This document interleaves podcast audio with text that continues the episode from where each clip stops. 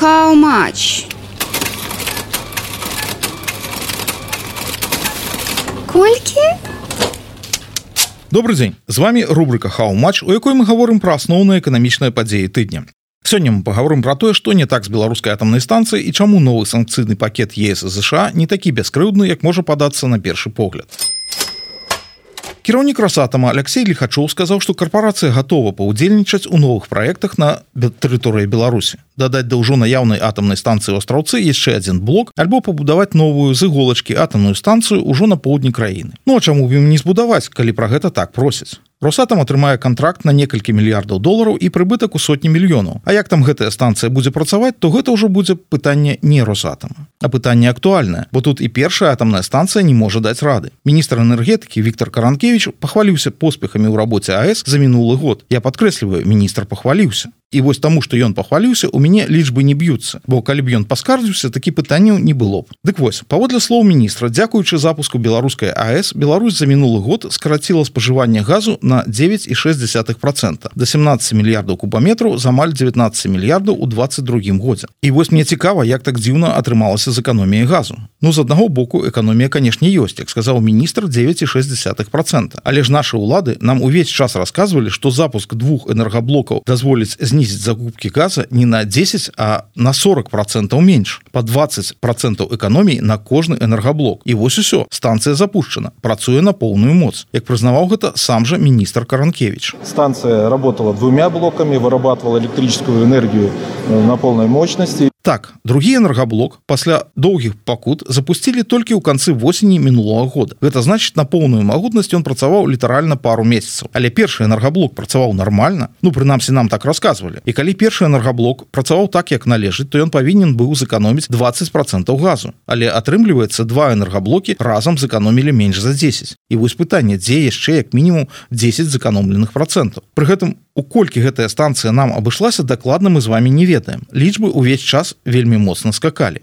Адна з апошніх 54 мільярда даляраў. Але гэта толькі грошы выдаткаваныя з расійскага крэдыту. 10 процентаў кошту будаўніцтва павінна была фінансаваць Беларусь са свайго бюджэту плюс выдаткі на дадатковую інфраструктуру дадатковыя магутнасці мадэрнізацыю электрасетак. Гэта значыць не будзе перабольшаннем ацаніць агульную суму як мінімум у 6 мільярдаў большая частка з іх гэта грошы сяброўскага крэдыту. Але нават самыя сяброўскія крэдыты ўсё роўна трэба аддаваць. Вось патрацілі 6 мільярдаў каб скараціць закупкі газу ў рассіі на 40 процентаў. Але скараціць атрымалася толькі на 10 з улікам кошту газу для беларусі эканомія атрымоўваецца ў 200 мільёнаў долараў. Патрацілі 6 мільярдаў на будаўніцтва станцыі каб за год купіць газу на 200 мільёнаў долараў менш. Такімі тэмпамі праз 30 гадоў глядзіш зэканоміць то што абяцалі. Але утрыманне станцыі яе працы яны ж таксама каштуюць грошай. І вось я здзіўляю здзіўляюся А дзе тут увогуле эканомія За што змагаліся дзеля чаго пакутвалі навошта сапсавалі адносіны з літвой у чым быў сакральны сэнс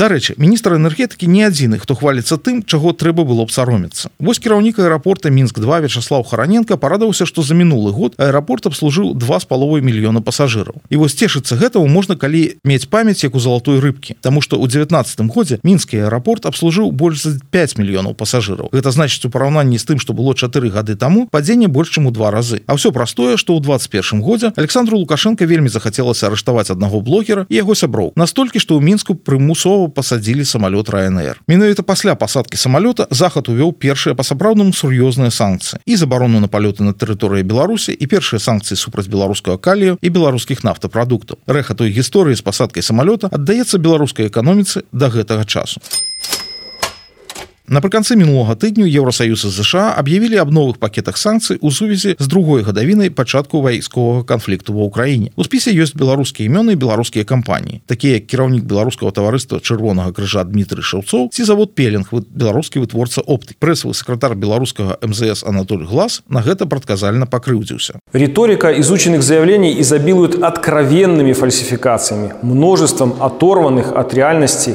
пассажей і лозунгов. На першы погляд новыя санкцыі выглядаюць даволі бездапаможнымі, бо там няма ні гандлёвых, ні сектаральных абмежаванняў. Але гэта падманлівае ўражанне. Галоўныя рызыкі новага санкцыйнага пакету заключаюцца не ў санкцыях супраць расійскіх і беларускіх кампаній. Галоўныя рызыкі санкцыі супраць кампаній з трэціх краін, якія ўведзены за садзейнічанне расійскаму военно-прамысловаму комплексу. А таксама рызыка ўвядзення санкцыяў супраць банкаў, якія абслугоўваюць рахункі беларускіх і расійскіх кампаній, звязаных з расійскім ВПК. Новы амерыканскі пакет трактуе паняцце расійскі ВПК вельмі шырока. Цяпер гэта не толькі кампаніі, якія непасрэдна працуюць на ВПК, але і кампаніі, прадукцыя якіх можа выкарыстоўвацца ў расійскім военно-прамысловым комплексе або кампаніі, якія амерыканскія ўлады заподозраць у тым, што іх прадукцыя можа выкарыстоўвацца для расійскага ВПК. У спіс патрапілі металургічныя кампаніі, вуглездабываючыя, суднабудаўнічыя і нават проста будаўнічыя кампаніі. То бок калі нейкі замежны банк будзе праводзіць для гэтых кампаній плацяжы за экспорт імпорт, ён можа сам стаць ахвярай амерыканскіх санкцый. А гэта азначае, што банк будзе фактычна выключаны з сусветнай фінансавай сістэмы. І буйныя банкі, банкі зацікаўленыя ў заходніх рынках не жадаюць рызыкаваць. Многія турэцкія кітайскія банкі ўжо і зараз асабліва не разбіраюцца, звязаная кампанія з расійскім ВПК ці не, апёкшыся на малаце змеш на ваду. Яны проста спыняюць разлікі для любых расійскіх і беларускіх кліентаў. На ўсякі выпадак, бо сёння ты абслужыш якую-небудзь кампанію, а заўтра высветліцца, што гэтая кампанія нешта там прадала для танкавага заводу або перавезла расійскіх салдат або каўбаса, якую кампанія вырабляе, трапіла ў паёк для расійскіх вайскоўцаў. І што тады рабіць? Ісці ў амерыканскі мінфін даказваць, што ты не вінаваты, так амерыканскі мінфін ён так уладкаваны, што яму нічога не давядзеш. А ад амерыканскіх санкцый можна страціць значна больш, чым зарабіць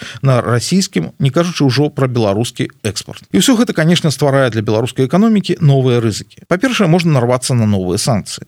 Па-другое, зноў ускладняецца беларускі экспорт. Ты не можаш экспартаваць свае тавары, калі за гэтыя тавары нельга разлічыцца. А той жа Кітай гэта зараз найгалоўнейшы рынок для беларускіх угнаенняў. Не будзе Китая, няма будзе каму іх прадаваць. Адной Афрыкай валютныя праблемы краіны не вырашыш. А па-трэцяе, улічваючы наколькі беларуская эканоміка залежыць зараз ад рассіі, то трэба разумець, што ўсе расійскія праблемы гэта цяпер і нашы праблемы. Ну ўсё ж 65 процентаў беларускага экспорту гэта экспорт у Россию. І калі расійскай эканомікі будзе дрэнна, то беларускай эканоміцы будзе яшчэ горш. Не дзіва, што беларускі МЗС так знерваваўся за апошняга санкцыйнага пакету, што нават пачаў палохаць завядзеннем новых крымінальных спраў. Не, не супраць амерыканцаў ці еўрапейцаў, як заўсёды супраць грамадзян Беларусі. Бо калі беларускім уладам няма чым адказаць тым, хто іх пакрыўдзіў, яны заўсёды адыгрываюцца на сваіх грамадзянах. На гэтым усё з вами была рубрика хау матч пачуемся на наступным тыдні усяго добрага How much?